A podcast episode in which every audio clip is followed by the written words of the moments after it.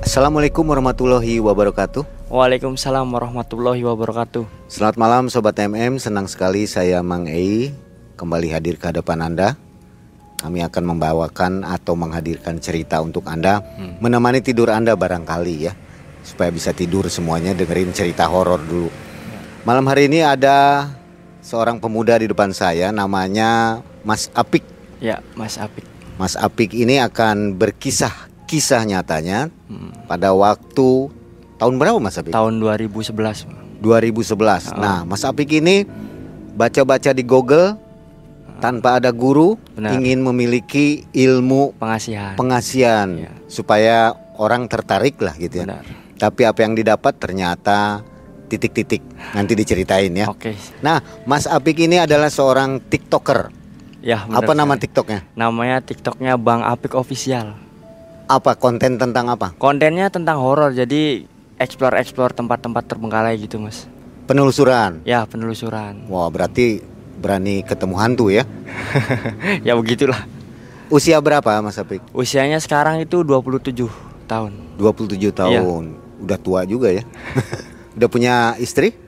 Alhamdulillah udah, udah punya anak satu. Oh. Mm -mm. Oke, okay. perempuan lagi? Perempuan.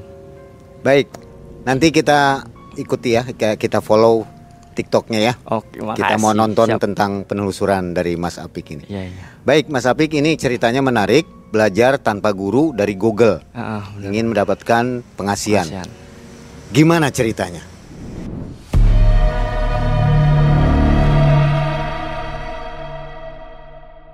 Jadi pas saya kecil itu saya suka melihat hal-hal yang aneh yang mungkin anak kecil nggak sering lihat gitu mang. Kayak sekelebat bayangan hitam kayak orang yang mukanya berantakan gitu kayak ya pokoknya sih banyak hal-hal yang ganjil yang pernah saya lihat waktu saya kecil. Dan di situ saya meranjak dewasa. Saya ingin lebih mendalami kayak spiritual lah kayak gitu. Pengen belajar belajar nih tapi saya ke pelosok. Saya belajar kayak gitu tapi tapi tanpa guru. Saya buka Google saya ketik pencarian kayak belajar ilmu-ilmu yang ada di Google. Terus saya belajar itu ilmu itu amalan-amalan ajian-ajian puasa-puasa. Saya amalin. Beranjak dewasa lagi saya udah tumbuh ke usia 16 tahun. Di situ di 16 tahun itu saya merasa di diri saya di badan saya ini ada yang aneh.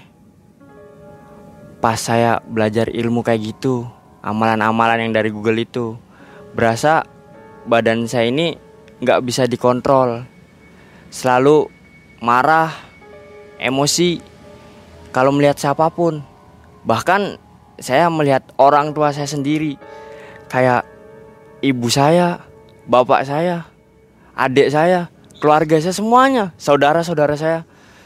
Saya merasa di situ emosi melihat mereka-mereka semua. Saya inginnya tarung, tarung dan tarung. Itu entah kenapa dan saya itu timbal baliknya ke badan saya pas saya belajar ilmu-ilmu kayak gitu. Saya sering didatengin kayak mimpi-mimpi yang buruk, saya sering disuruh-suruh sama makhluk-makhluk yang nggak jelas yang nggak kasat mata kayak gitu. Suruh ngebunuh orang tua saya lah.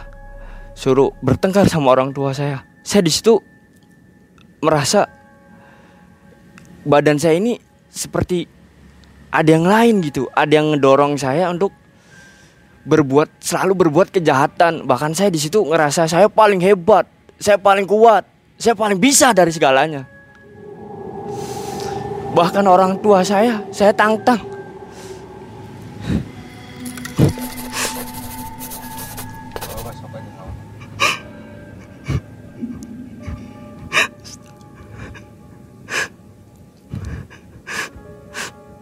Saya merasa bersalah sama orang tua saya.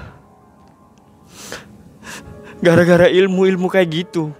Ini bukan Apik yang bapak sama mama kenal. Kamu udah berbeda kamu ini kenapa?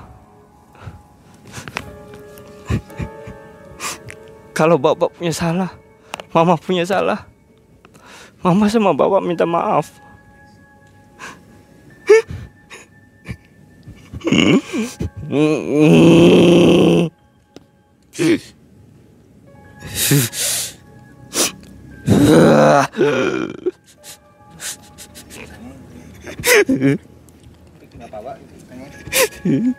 Pik nggak apa-apa? Apa Pik? Enggak, Bang.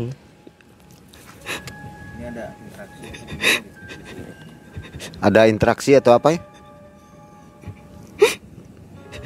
Iya. Merasakan apa?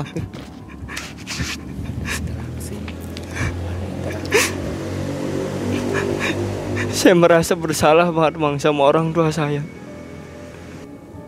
Barusan itu nampak sedih. Kenapa? Ada gangguan, ada yang mengganggu? Iya, ada gangguan. Berupa apa? Jadi kalau badan saya ngerasa sedih atau badan saya ngerasa sakit atau badan saya ngerasa nggak nyaman, kayak ada sesuatu yang pengen masuk ke badan saya, Bang. Tapi saya menolak. Saya nggak mau gitu. Selama 11 tahun saya berkelana. Berkelana itu dalam artian saya mencari orang yang bisa mengontrol bisa belajarin saya gitulah bahwa ilmu-ilmu ini nggak baik bahkan saya sampai pergi dari rumah itu sampai berapa minggu mungkin untuk bisa mencari atau menstabilkan badan saya seperti biar bisa kayak dulu lagi gitu praktisi pertama itu belum ada perkembangan. Nah di praktisi pertama ini saya nggak cocok sama badan saya. Karena yang diajarkan beliau itu mohon maaf kayak menyimpang seperti itu. Badan saya pun menolak.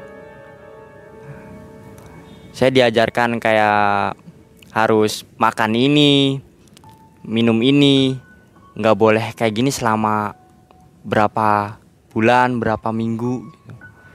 Seperti makan-makan daging atau sate lah kayak gitu. Nggak boleh itu. Nah, saya ngerasa nggak nyaman nih. Terus yang kedua saya cari lagi. Yang kedua ini lebih parah mang. Bahkan saya ini dimandiin sama air yang bener-bener baunya itu nyengat gitu di hidung. Sampai saya pun muntah pas lagi dimandiin itu. Saya tanya itu air apa? katanya dia cuma bertanya udah kamu diem. Semua yang ada di badan kamu di tubuh itu bakal hilang kalau kamu udah dimandiin air ini. Kayak gitu. Nah, yang ketiga itu mang. Yang ketiga itu saya dikasih ajian dikasih amalan. Nggak boleh makan pisang katanya. Buah-buahan. Jadi makannya itu harus sayur. Setiap hari setiap bulan setiap apa. Tuh badan saya pun menolak. Bahkan saya pernah dulu di rukiah sama ustadz itu adalah ustadznya nggak bisa saya ceritain. Itu beberapa kali saya di rukiah dan ustadz itu bilang bahwa kamu ini pernah belajar ilmu pernah mengamalkan suatu satu amalan yang salah untuk badan kamu untuk diri kamu sendiri bahwa itu ilmu itu nggak baik untuk kamu Terus saya ceritakan apa yang terjadi di masa lalu dulu saya pas selama 11 tahun saya berkelana itu. Saya ceritakan kepada guru-guru yang udah saya temuin kayak orang-orang ahli dalam spiritual sampai mereka pun tidak bisa gitu untuk mengontrol diri saya sendiri. Boleh tahu dari Google-nya itu apa yang dibaca atau dari website apa maksudnya? Dari Google-nya dulu saya cuma ingin belajar ilmu pengasihan. Saya ketik saya iseng-iseng gitu, belajar ilmu pengasihan. Ya kayak gitu aja, Mang. Terus banyak amalan mungkin makin saya belajar itu jadi saya makin penasaran. Padahal itu isinya dari Al-Qur'an ya? Isinya Atau itu ajian-ajian semua dari Al-Qur'an. dari kejawen atau apa? Iya, mungkin dari Al-Qur'an lah. Kalau dari kejawen atau apa saya nggak paham. Cuma itu ajian-ajian Al-Qur'an semua. Bisa melihat makhluk gaib? sempat pernah ngelihat bahkan kalau setiap malam itu saya ngelihat kayak bayangan-bayangan hitam orang yang sedang berdiri tegak itu hitam sekali kalau di sini saya ngerasain sih ada kehadiran gitu ya? iya mungkin ada kehadiran masih berkeinginan untuk menghilangkan pengaruh itu? Masih. Sampai sekarang pun saya ingin menghilangkan semua. Total saya ingin menghilangkan. Saya tidak pengen terus begini. Karena apa ya? Capek orang yang seperti ini. Berapa kali saya konsultasi dan orang yang bilang itu seperti itu. Ketemu itu di tahun 2020 2020 saya main ke rumah beliau nih. Ya bisa disebut Mang Asep lah. Saya main ke rumahnya. Saya ketok pintunya. Awalnya saya nggak kenal sama dia. Dia itu bisa dikatakan hanya sekedar orang jualan lontong. Orang jualan lontong ya bang saya itu ketemu beliau itu awalnya nggak kenal. Cuma sekedar saya singgah. Saya main pak boleh minta minum kata saya kayak gitu emang terus saya bilang kata bapak itu kan oh silakan dek sini masuk ke rumah Nah pas saya nyampe di rumah dia itu ngerasa badan saya itu nggak mau masuk ke rumah mang. Itu bener-bener yang saya rasain itu badan saya kayak orang kepental gitu kayak negatif sama positif gitulah kayak gimana itu. Terus saya coba, saya coba, saya pikirin tuh setiap hari saya berpikir seperti saya main lagi ke rumahnya beliau. Saya coba main gitu, Pak. Yang kedua kalinya nih, Mang. Saya main. Pak, minta minum saya masuk lagi tetap kayak gitu dan berapa hari kemudian saya bilang sama beliau Pak kenapa ya kalau setiap saya masuk ini ke rumah bapak kok ada yang berbeda Nah bapak itu baru ketawa Bapak itu ketawa. Kenapa ketawa pak? Saya kan tanya Kenapa kalau saya masuk ini Kok berbeda ya badan? Saya ngerasa Ada yang nggak boleh kalau saya masuk ke sini. Nah itu saya langsung dirangkul sama beliau nih sama Mang Asep itu. Kamu sini terus dia bilang sama saya kamu udah makan belum? Saya bilang belum ya udah makan dulu. Saya makan itu. Terus saya disuruh ambil air wudhu. Suruh ambil air wudhu itu mang. Ya udah kamu sekarang wudhu. Lah kok ini masih jam 8 jam 8 pagi tuh mang. Suruh wudhu pak. Mau sholat suruh sholat apa? Ya udah kamu wudhu aja. Wudhu. Saya disuruh sholat. Dan disuruh sholatnya itu kayak sholat sunnah. Nggak tahu sholat apa ya. Mungkin sholat taubat lah lebih dia omongnya. Sholat sunnah taubat gitu mang dia ngambil kayak kalau di lontong itu kan ada kayak apa sih? Jarum apa? Tusukan. Nah tusukan. Beliau ambil tuh mang. Segenggam tangan beliau. Nih kamu sholat. Segitu. Saya kaget kan. Ini apa pak? Kata saya. Udah kamu ikutin aja sholat ini.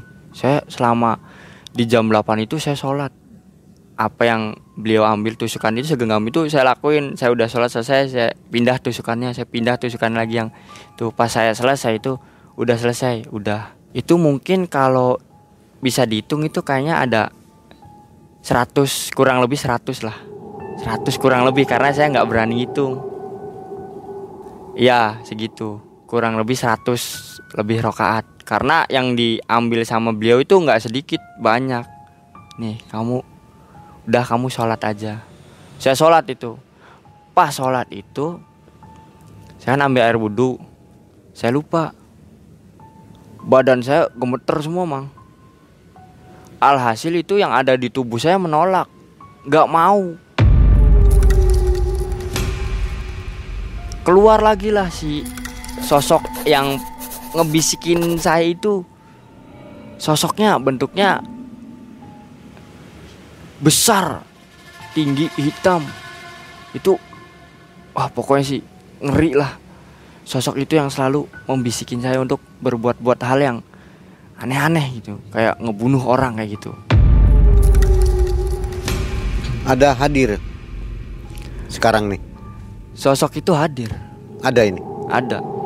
kalau beliau diceritakan itu beliau ngerasa tidak terima bahwa di dan beliau itu udah nganggap saya ini seperti anaknya gitu mau kayak gitu. Makanya setiap saya cerita kayak gini badan saya ini ngerasa aneh. Panas. Gak karuan kayak gitu. Masih ya. masih. Jadi ini bercerita ini juga kondisi nggak enak ya. kondisi pun nggak enak saya cerita kayak ini cuma saya ingin cerita ke semua orang itu pesan kesan saya. Istri tahu nggak? istri tahu karena pas saya menikah saya ceritakan semuanya masa lalu masa lalu saya itu dulu sangatlah buruk sangatlah suram gitu mang. Tapi istri alhamdulillah dia menerima. Bahkan dia pun takut. Kamu bakalan seperti ini atau tidak? Soalnya kamu ini bakalan jadi imam buat saya. Kamu ini bakal punya anak dan kamu bakal ngajarin anak kamu untuk sholat. Saya bilang saya siap. Dan di waktu itu pas saya udah nikah itu saya selalu mencari terus mencari merubah diri saya ke yang lebih baik lagi. Saya minta maaf sama orang tua. Saya basuh kaki orang tua. Saya basuh kaki mama. Saya basuh kaki bapak saya minta maaf sama beliau. Pak kalau iya saya punya salah. Saya minta maaf. Bapak boleh mukul saya. Bapak boleh tampar saya. Karena kelakuan saya yang dulu. Saya terima pak. Saya ngerasa bersalah. Bahwa saya ini gagal menjadi anak yang pertama. Gagal menjadi anak yang bapak bahagia banggain mama banggain. Saya ngerasa bersalah selama saya belajar itu selama saya debat sama orang tua itu bang saya nggak pernah yang namanya beruntung ditipu dimusuhi banyak teman. Bahkan saya kerja pun saya selalu dikeluarin dari pekerjaan. Malas lah. Masalah terus timbul ya. masalah terus timbul Jadi bukan kesenangan yang didapat. bukan kesenangan bukan pengasihan yang saya dapat melainkan itu masalah demi masalah itu bang Anak tapi sehat ya. alhamdulillah Nggak ada gangguan. nggak ada Apik mau kalau misalnya kita coba nolong gitu dari tim malam mencekam dari para spiritual yang pernah tampil di malam mencekam barangkali opik apik mau mau dicoba.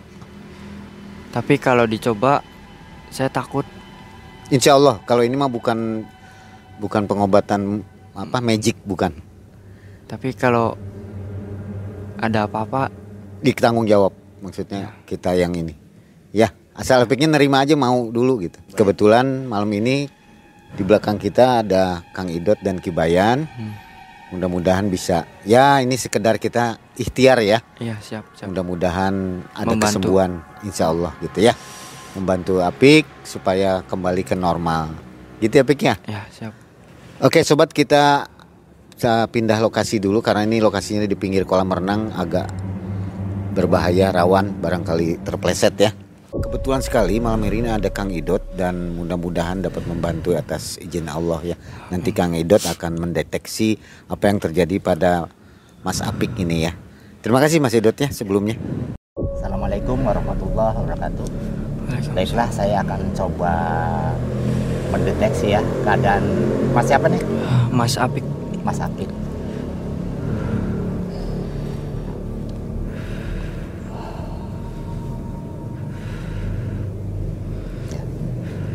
Ini kental sekali ada sesuatu yang mengikuti gitu. Entah itu mungkin dia ada ritual-ritual yang memang nggak selesai apa memang eh, tidak tuntas gitu. Ya. Ini ya ini sangat mengganggu karena merusak aura. Ya.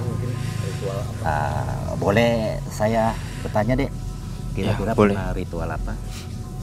ritual yang saya alami selama 11 tahun itu banyak pak Hmm. jadi nggak cuma ritual yang katanya suruh puasa suruh ajian amalan bahkan saya pun pernah dimandikan air-air yang Hmm. menurut saya itu baunya nggak sedap pak Iya, iya. di hidung itu sangat menyengat itu yang pernah saya amal-amalin ajian-ajian itu Jadi ini mengganggu sekali di mana dalam kondisi eh, emosi yang nggak stabil iya benar pasti dia akan masuk.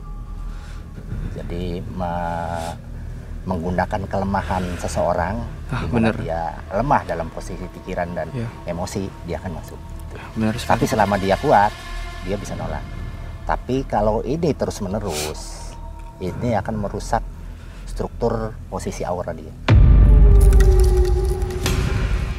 Jadi kalau adik bersedia, coba saya berusaha ya ikhtiar ya silakan silakan untuk menetralisir ya eh, menutup kembali auranya dan menjauhkan eh, eh, sesuatu yang dekat dengan dia yang memang Iya. sangat berbeda auranya dengan manusia. Jadi aura makhluk dengan aura manusia itu bergesekan terus. Kalau bisa dilihat secara puas kita, mata batin, ini terjadi percikan terus. Seperti api, tret-tret gitu ya. Nah ini kurang baik untuk fisik manusia gitu. Mas Apiknya kira-kira bersedia nggak insya Allah siap pak ya bersedia untuk eh, kelangsungan kehidupan berikutnya ya, Amin, biar amin. nanti masa-masa depannya tidak ada masalah. iya Baik, monggo Mas Apiknya berdoa, membaca sholawat, silahkan. Astagfirullah Sholawatnya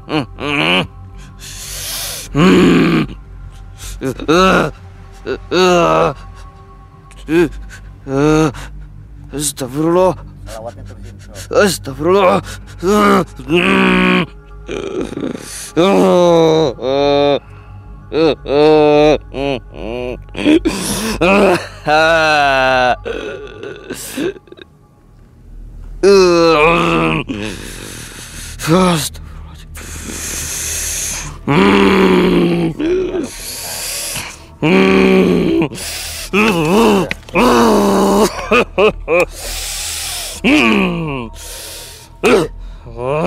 ya. Perlu dialog ya. Nggak perlu dialog ya. Singkat aja. Hah? Singkat aja. singkat.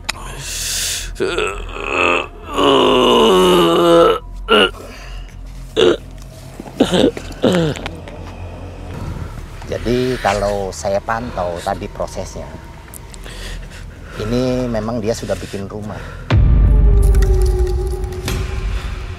Ibarat kalau burung itu dia udah punya sa- sarang. Nah ini sarangnya itu ada di sini. Iya Nah benar ini harus tercerabut. Ya. Benar itu pak Nah, tadi barusan saya buang, dia udah lepas. Tadi kelihatan sekali, sepertinya hitam dia, besar. Lepas dia. Cuma sarang ini kemungkinan saya perlu waktu sekitar 10 menit lah untuk proses membongkarnya ini. Kalau enggak dia akan terjadi seperti itu. Kembali lagi ya. Tapi ini masih mau? Insya Allah sedia pak Kalau itu buat terbaik untuk saya ke Iya. depannya Insya Allah saya siap Baiklah, Bismillah. Pak Apit, Mas Apit ikut instruksi saya ya. Siap siap niatkan dalam hati sesuatu yang sudah lama bersemayam di dada ini diikhlaskan. Ikhlas. karena pada saat dia memasukin tubuh Mas Apit dianya ikhlas awalnya. Jadi seperti sudah ada proses saling suka dengan suka. Ya, benar. Iya pak. Ini yang jadi masalah. Beda dengan orang yang kena santet dia tidak suka. Jadi itu sebetulnya bisa dipatahkan kalau ini ya dianya harus bekerja. Bekerja niatkan untuk menyelesaikan permasalahan yang dulu dibuang semua. Kalau saya mau tanya Kalau untuk menghilangkan perjanjian atau suatu perjanjian itu seperti apa ya pak? nah itu kembali eh, tergantung kadarnya. Kalau perjanjiannya ringan bukan penyupangannya Iya itu mungkin insya Allah saya masih bisa uh, mengcover lah. Tapi kalau penyupangan itu kan hubungannya akidah. Benar. Ya itu saya nggak bisa. Ini bukan ya, ya. bukan ya? Bukan. Ya. Kejadian apa? Boleh tahu mungkin? mungkin ini pernah yang dialamin atau yang pernah saya pelajarin dulu-dulu. Malan. amalan. Jadi saya kayak ada suatu perjanjian atau suatu kontrak tanda tangan. Itu nggak tahu. Saya merasa itu mimpi. Nah, tapi itu bukan mimpi pak. Betul.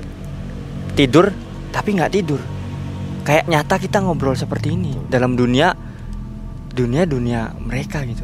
Saya merasa di situ saya udah tanda tangan dan saya udah perjanjian deal kayak sih kayak gitu pak. Nah itu gimana pak? jadi begini ada perjanjian uh, manusia dengan manusia seperti yang biasa kita lakukan ya. Tapi ada perjanjian kita dengan makhluk halus. Nah bentuknya tidak seperti manusia dengan manusia.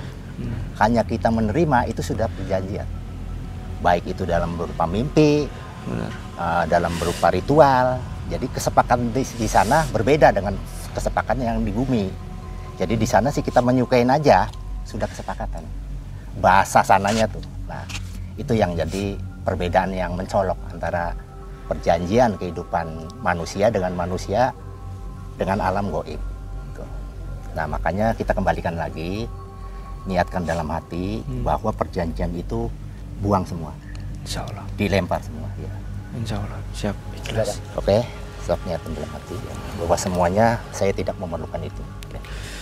Saya manusia normal, uh, kembali menjadi normal, dan kalaupun ada kelebihan, kelebihan itu dari Allah. Amin. Niatin, untuk baca salawat Allahumma sholli ala Muhammad wa ali Muhammad tiga kali. Allahumma sholli ala Muhammad. Wa ala Allahumma sholli ala sayyidina Muhammad wa ala ali sayyidina Astagfirullah Astagfirullahaladzim Astagfirullah. Astagfirullahaladzim Astagfirullah. Huh.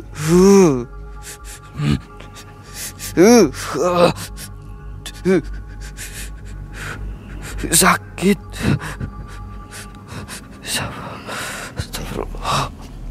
Tenangin, oke, tangannya buka, Astagfirullah. Rilekin, rilekin.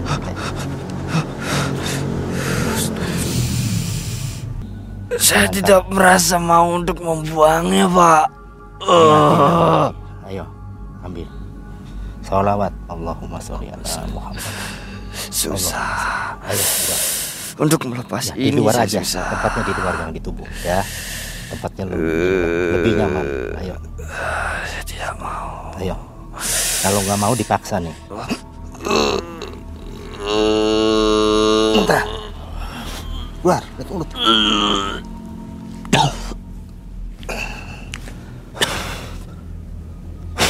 Ya. Ini memang berproses ya. Jadi pengikisan dari dalam tuh bisa 24 jam jadi karena memang kalau dipetot itu memang eh, bereaksi di tubuh yang luar biasa mungkin sesak dada apa gimana ya jadi biarlah eh, energi saya yang masuk ya yang akan mendorong dari dalam Ini sudah nggak ada. insya Allah ya Bagaimana perasaan Mas Apik? Ada perubahan? Lemes pak Lemes Capek. sekali mang Badannya ngerasa Setiap hari kayak gini mang Kalau saya ngerasa Sedih Atau saya ngerasa marah Dengan sendirinya badan ini ngerasa nggak kontrol gitu Makanya inilah yang Kalau saya ngadepin orang tua Saya ngadepin Yang lainnya Jadi saya ini orangnya nggak bisa Ngomong dengan kepala dingin apa-apa itu dengan emosi. Jadi seperti ini. Sampai benda yang ada di rumah saya pun keluarga saya pun itu masih jadi saksinya. Pecah semua sama mama.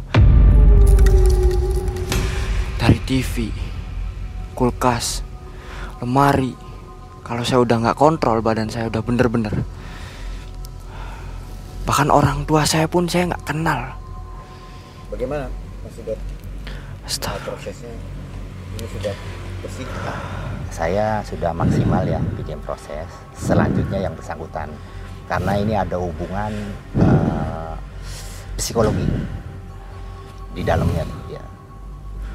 Eh, jiwa-jiwa banyak sekali jiwa-jiwa kesedihan. Benar. Di sini. Nah, jiwa-jiwa itu adanya di diri sendiri. Ya kalau mau tuntas itu ya perlu waktu lah, Karena itu ada unsur-unsur jiwa yang udah terlalu lama dan jiwa dari luar juga termasuk dari makhluk-makhluk juga masuk sih. Yang sudah dikeluarkan Tapi intinya sarangnya sudah. Nah, nggak mau kembali lagi. ya tinggal sisa jiwa-jiwa. Nah ini momennya yang lain. Jadi di dalam diri manusia tuh sebetulnya kompleks. Jadi kalau yang masuknya itu cuma makhluk itu nggak masalah. Tapi kalau jiwa-jiwa yang bertebaran, nah itu yang berat. Karena kita punya jiwa, di sana punya jiwa. Nah itulah menjadi satu kesatuan. Perlu ada ikhtiari dari kita, dari pribadi kitanya. Jadi tinggal dari Ya. topiknya ya. Topiknya. Tapi kalau mau dipandu bisa. Nanti mungkin setelah ini lagi Insya Allah ya proses kadang sendiri kan nggak ketemu ya iya benar benar Sobat MM, mohon maaf. Jadi ini adalah ketidaksengajaan. Artinya kita tampilkan untuk Anda untuk kebaikan ya. Kita ambil yang positifnya Benar. dari hasil Mas Opik Belajar berguru di guru. ya Benar. dari Google. Jadi itu sangat berbahaya. sangat berbahaya itu mang Kita akan melanjutkan pengobatan Mas Apik di luar kamera. Terima kasih Mas Apik ya.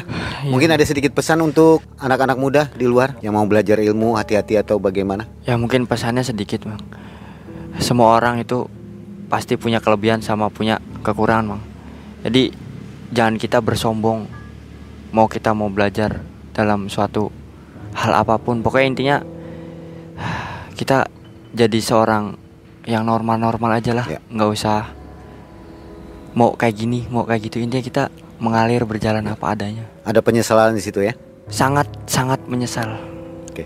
karena dampaknya ini ke saya dan ke keluarga. Oke. Itulah kisah nyata dari Mas Apik. Mudah-mudahan atas bantuan Allah Subhanahu wa taala Amin amin amin. lewat Mas Idot mudah-mudahan akan segera terwujud ya bisa menyembuhkan Mas Apik. Amin amin amin. Terima kasih Mas Idot. Mengganggu nih. Ya. Apik, terima kasih ya. Mas. Saya Mang Ai dan tim mengucapkan terima kasih. Assalamualaikum warahmatullahi wabarakatuh. Waalaikumsalam warahmatullahi wabarakatuh.